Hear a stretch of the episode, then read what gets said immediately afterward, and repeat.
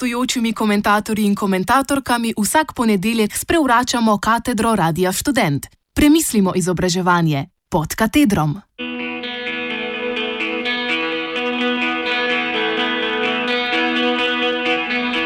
Novi Cojzovi štipendisti. Ste tudi vi eni izmed tistih, ki še vedno mislijo, da so Cojzove štipendije namenjene nadarjenim dijakom in študentom?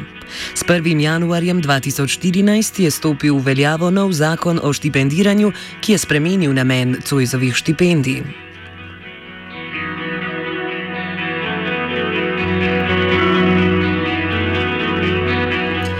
Do leta 2014 so se Cojzove štipendije podeljevale predvsem na podlagi povprečne ocene, ki pa ni dober kazalnik nadarjenosti in je hkrati težko primerljiva med različnimi šolami oziroma fakultetami. Ta pogoj je tudi spodbujal inflacijo ocen.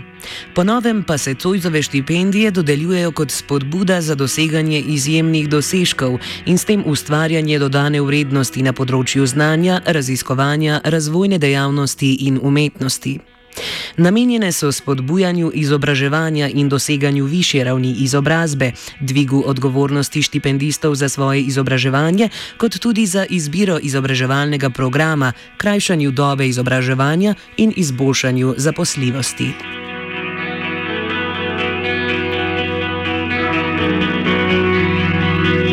Novi zakon o štipendiranju je prinesel spremembe na področju pridobitve in nadaljnega prejemanja Cojzove štipendije.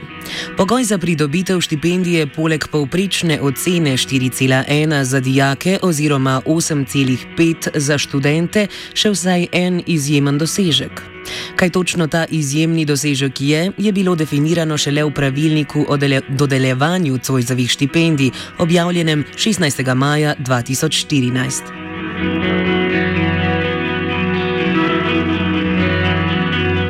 Še ena novost iz leta 2014 je to, da se kot novi štipendisti štejejo tudi tisti, ki Cojzovo štipendijo že prejemajo, vendar bodo v naslednjem šolskem letu šolanje nadaljevali na višji ravni izobraževanja. Torej, dijaki v zaključnem letniku srednješolskega programa ali študenti v zadnjem letniku prve bolonske stopnje. Ti morajo ob prehodu poleg dovolj visokega povprečja izkazati še nov izjemen dosežek, ki so ga pridobili v zadnjih dveh letih. Po drugi strani pa lahko novi štipendisti enovitih magistrskih študijskih programov vlečejo Cojzovo štipendijo z dosežki iz zaključka srednje šole do konca študija.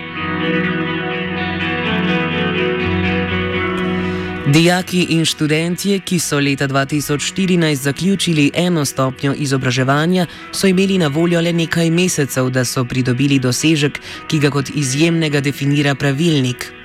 Ti dosežki so zlata in srebrna priznanja na državnih tekmovanjih, najvišja mesta na področju poklicnega in strokovnega izobraževanja na državnih in mednarodnih tekmovanjih ter priznanja za najboljše raziskovalne naloge.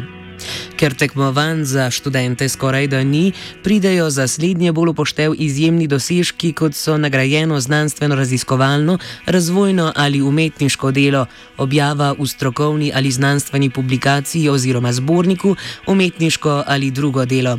Ki je dobila vsaj dve pozitivni strokovni kritiki, oziroma je sodelovalo na mednarodni razstavi ali festivalu, ali podeljeni patent.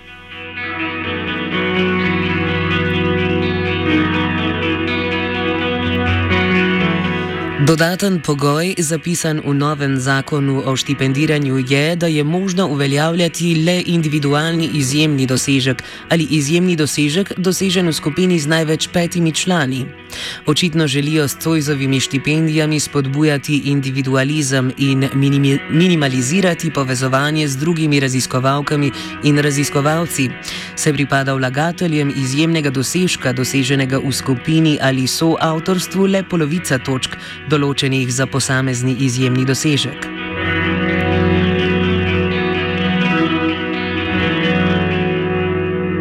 Ta pogoj pa tudi postavlja študente iz različnih področji v neenakopraven položaj, saj študentom določenih študijskih smeri lažje izpolniti pogoj, da mora biti izjemen dosežek individualen ali narejen znotraj skupine z največ petimi soavtorji. V zadnjih desetletjih smo namreč priča povečevanju števila avtorjev znanstvenih objav. Znanstveni članki z področji, kot so fizika delcev, določanje nukleotidnega zaporedja gen genomov in klinični poskusi, imajo neredko tudi po več sto avtorjev. Po drugi strani pa so na humanističnem področju še vedno najpogostejši članki z le enim avtorjem.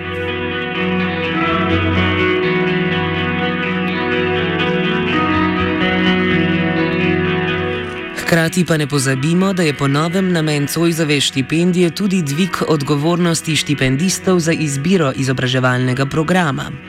Kdo želi pridobiti Cojzovo štipendijo, se naj torej upiše na tak študijski program, kjer bo najlažje prišel do izjemnega dosežka in imel visoko povprečje.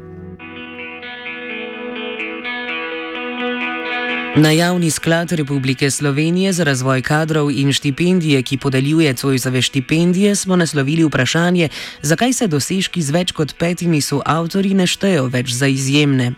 Odgovorili so nam, da smo lahko veseli, da se dosežki s petimi soavtori sploh štejejo za izjemne.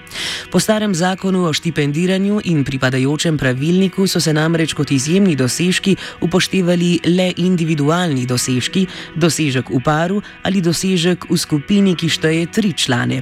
Niso pa dodali, da je bilo po starem zakonu dovolj imeti le visoko povprečje ali izjemni dosežek in ne oboje hkrati, kot je to po novem. Ter da štipendistom po starem ni bilo treba na novo zaprostiti za pridobitev štipendije, ko so dokončali eno stopnjo izobraževanja izobraževanja.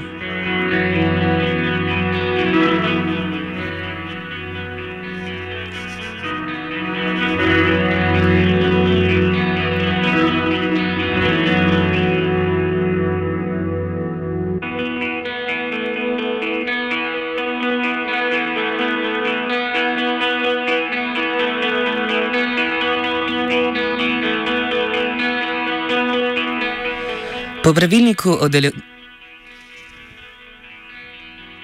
Po pravilniku o dodeljevanju Cojzovih štipendij se torej lahko uveljavljajo le tisti dosežki, ki so opisani v podatkovni bazi COBIS kot znanstveni ali strokovni. Leta 2014 pa je bilo le malo takih dogodkov, na katerih bi študenti lahko predstavili svoje raziskovalne dosežke in tako pridobili potreben upis v bazo COBIS. In še ti redki so večinoma zahtevali visoke kotizacije.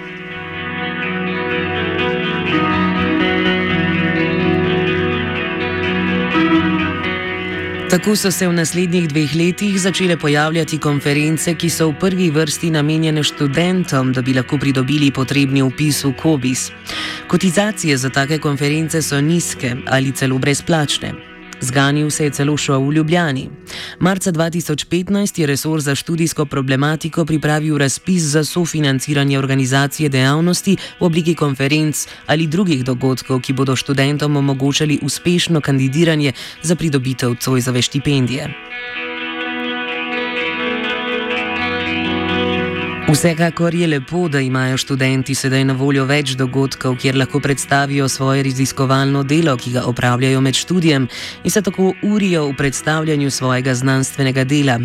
Vendar se hkrati poraja vprašanje, zakaj se kar naenkrat od študentov pričakuje, da poleg uspešnega študija skrbijo še za objavljanje člankov, naumijo inovacije, za katere pridobijo patente in ustvarjajo neko dodano vrednost na področju znanja, raziskovanja, razvojne dejavnosti znanosti in umetnosti. Ali je realistično misliti, da se bo zgodilo vse to le s pičnim ložkom nekaj sto evrov mesečno za štipendijo?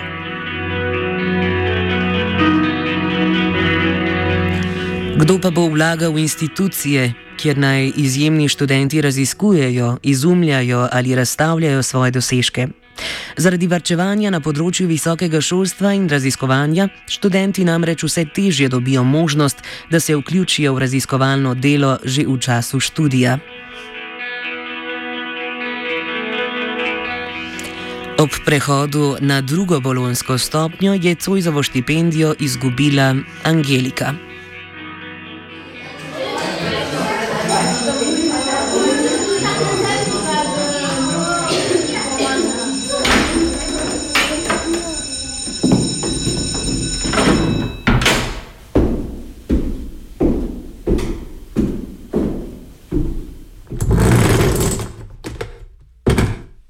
Gostujočimi komentatorji in komentatorkami vsak ponedeljek sprevračamo katedro Radia Student. Premislimo izobraževanje pod katedrom.